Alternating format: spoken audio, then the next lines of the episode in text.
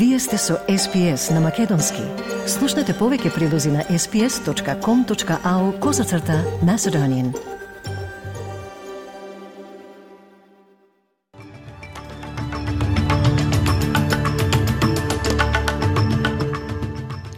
Од денешниот билтен вести издвојуваме. Изменетиот предлог на федералната влада за даношни намалувања критикуван – Спомен статуата на капетан Кук вандализирана ден пред Денот на Австралија.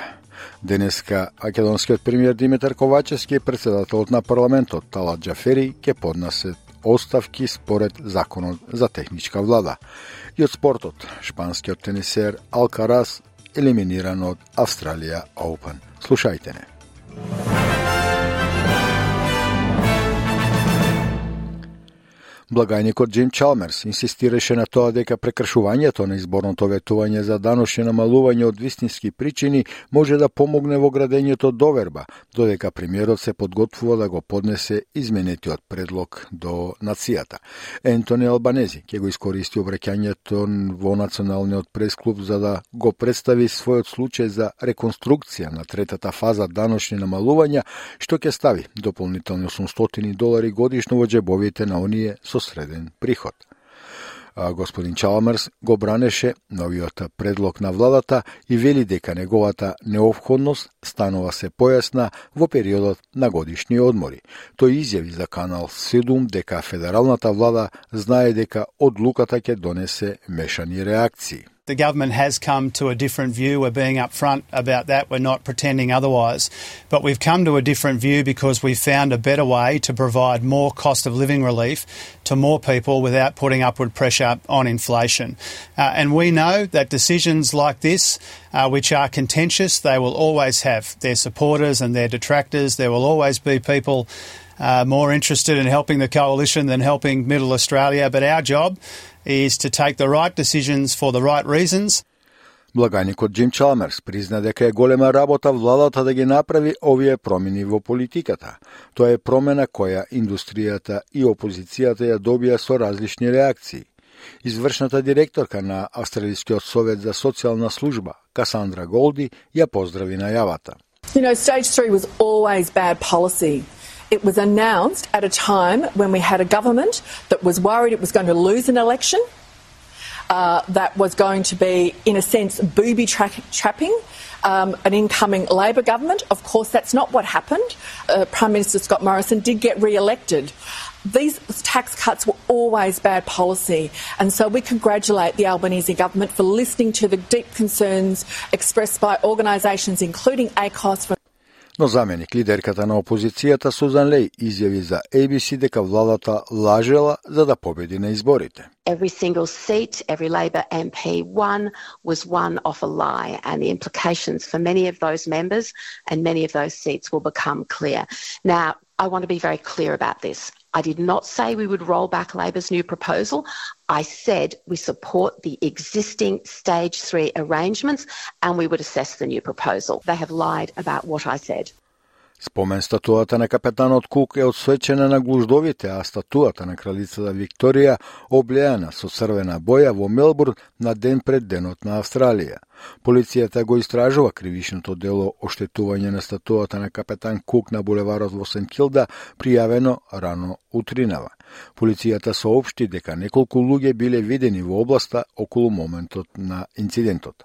Премиерката Кинта Алан вели дека статуата ќе биде поправена. Obviously, uh, Victoria Police are investigating uh, the, the circumstances around what's happened with these statues overnight and will let Victoria Police undertake their work this sort of vandalism really has no place in our in our community, uh, and uh, we'll be working. I want to signal today that we will be working with uh, council to repair and reinstate the statue, the uh, the statue in St Kilda that has been vandalised overnight.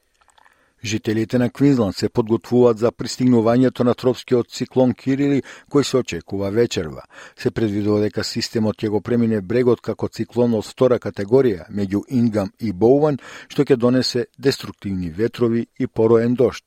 Бирото за метеорологија вели дека интензивните врнежи од дошт може да предизвикат штети и опасност по животот, откако циклонот ќе го премине брегот. Либералниот пратеник Фил Томсон е во Таунсвил и изјави за Sky News дека заедницата денес се подготвува.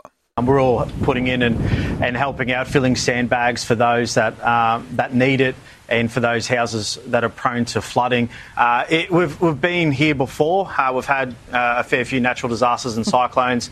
Uh, people are, you know, struggling to get those sandbags uh, filled and to get extra sandbags here. But all in all, the community is wrapping around each other and um, helping out. But it's going to get windy and, it, and it's going to um, hit us quite hard, I believe, later this evening.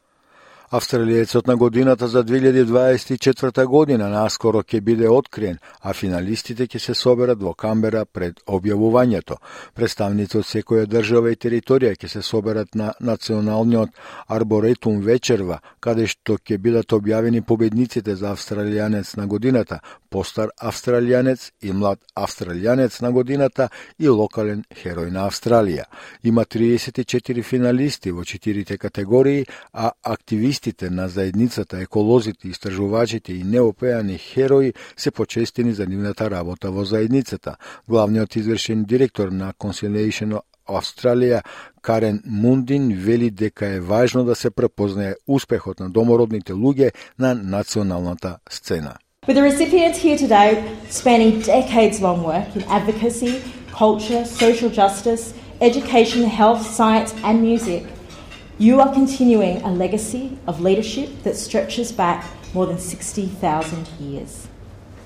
This is the stuff that gives me hope and optimism for our future. It is the greater to the corrugated road, and it refills my cup for the year ahead. Денеска премиерот Димитар Ковачевски и председателот на Македонското собрание Таладжа Фери ќе поднесат оставки според одредбите од Законот за техничка предизборна преодна влада. Джафери ќе биде премиер на таа влада. Тој вчера за медиумите ги прецизира роковите, нагласувајќи дека по оставките што ќе бидат депонирани денеска, веќе утре на 26 ќе бидат констатирани и ќе биде известен председателот на државата, а седницата ќе ја води заменик председателот Горан Мисоски. Джафери вчера нагласи дека целиот процес ќе биде во согласно со Уставот и со законите. И со тоа фактички на прва наредна седница, која што веќе е закажена за 26 овој месец, се отвараат патиштата, односно постапките, процедурите да може да се влезе во избор на новиот председател на собранието и да настапи обврска за поднесување предлог за мандатар до председателот на државата, доделување на мандат и организација на две последователни седници за избор на влада и за избор на заменици и дополнителни заменици. Транспорт на Нов Јужен Вилс издаде предупредување за луѓето кои ќе патуваат за време на долгиот викенд да останат безбедни на патиштата. Се подсетуваат возачите да внимаваат при густиот сообраќај и топлите временски услови. 21 лице го загуби животот на патиштата во Нов Јужен Вилс оваа година, заклучно со 23 јануари, што е за 8 повеќе од истиот период минатата година. Портпаролот Роджер Викс вели дека луѓето треба да бидат трпеливи, да прават повеќе паузи за одмор и да возат внимателно. Tragically, we've had a really terrible holiday season with the road toll. Um, more than 80% of fatalities on our road network over this holiday period have been on regional roads. So if you're heading out to the regions or coming home from the regions this long weekend, we're urging everyone, please be careful. Рускиот министер за надворешни работи Сергеј Лавров откри дека Русија повикала на вонредна седница на Советот за безбедност на Обединетите нации за да се расправа за падот на рускиот авион. Русија ја обвини Украина дека намерно соборила воен транспортен авион со 65 заробени украински војници на размена на затвореници. Инцидентот е означен како варварски чин на тероризам во кој загинаа вкупно 74 лица.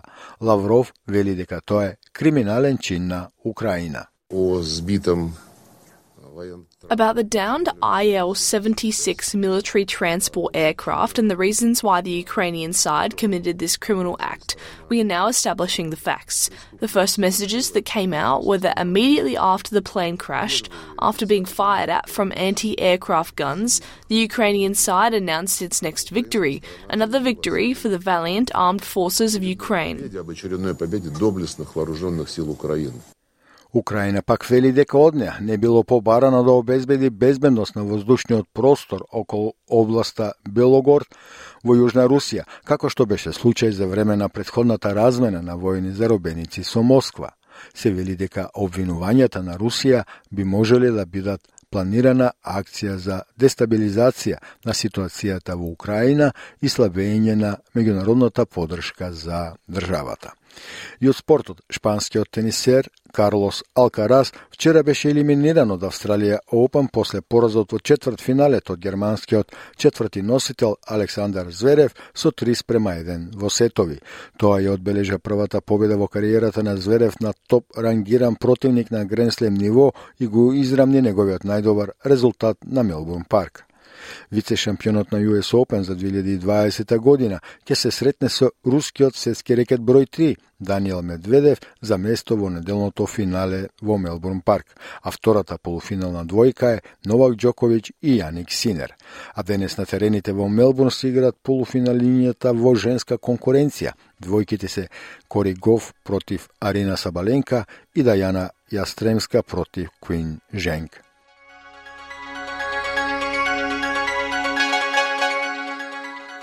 А од најновата курсна листа денес еден австралиски долар се менува за 0,60 евра, 0,65 американски долари и 36,90 македонски денари, додека еден американски долар се менува за 56,3 македонски денари, а едно евро за 60,93 македонски денари.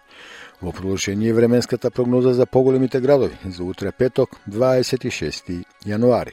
Перт, сончево со температура до 32 степени, Аделаид делумно облачно до 24, Мелбурн делумно облачно до 23, Хобарт повремен дожд со силни ветрови до 21, Камбера повремен дожд до 27, Сиднеј услови за дожд до 35 степени, Бризбен делумно облачно до 32, Дарвин силни врнежи од дожд со услови за можна бура до 29 и во Алис Спрингс услови за дожд со температура до 38 степени.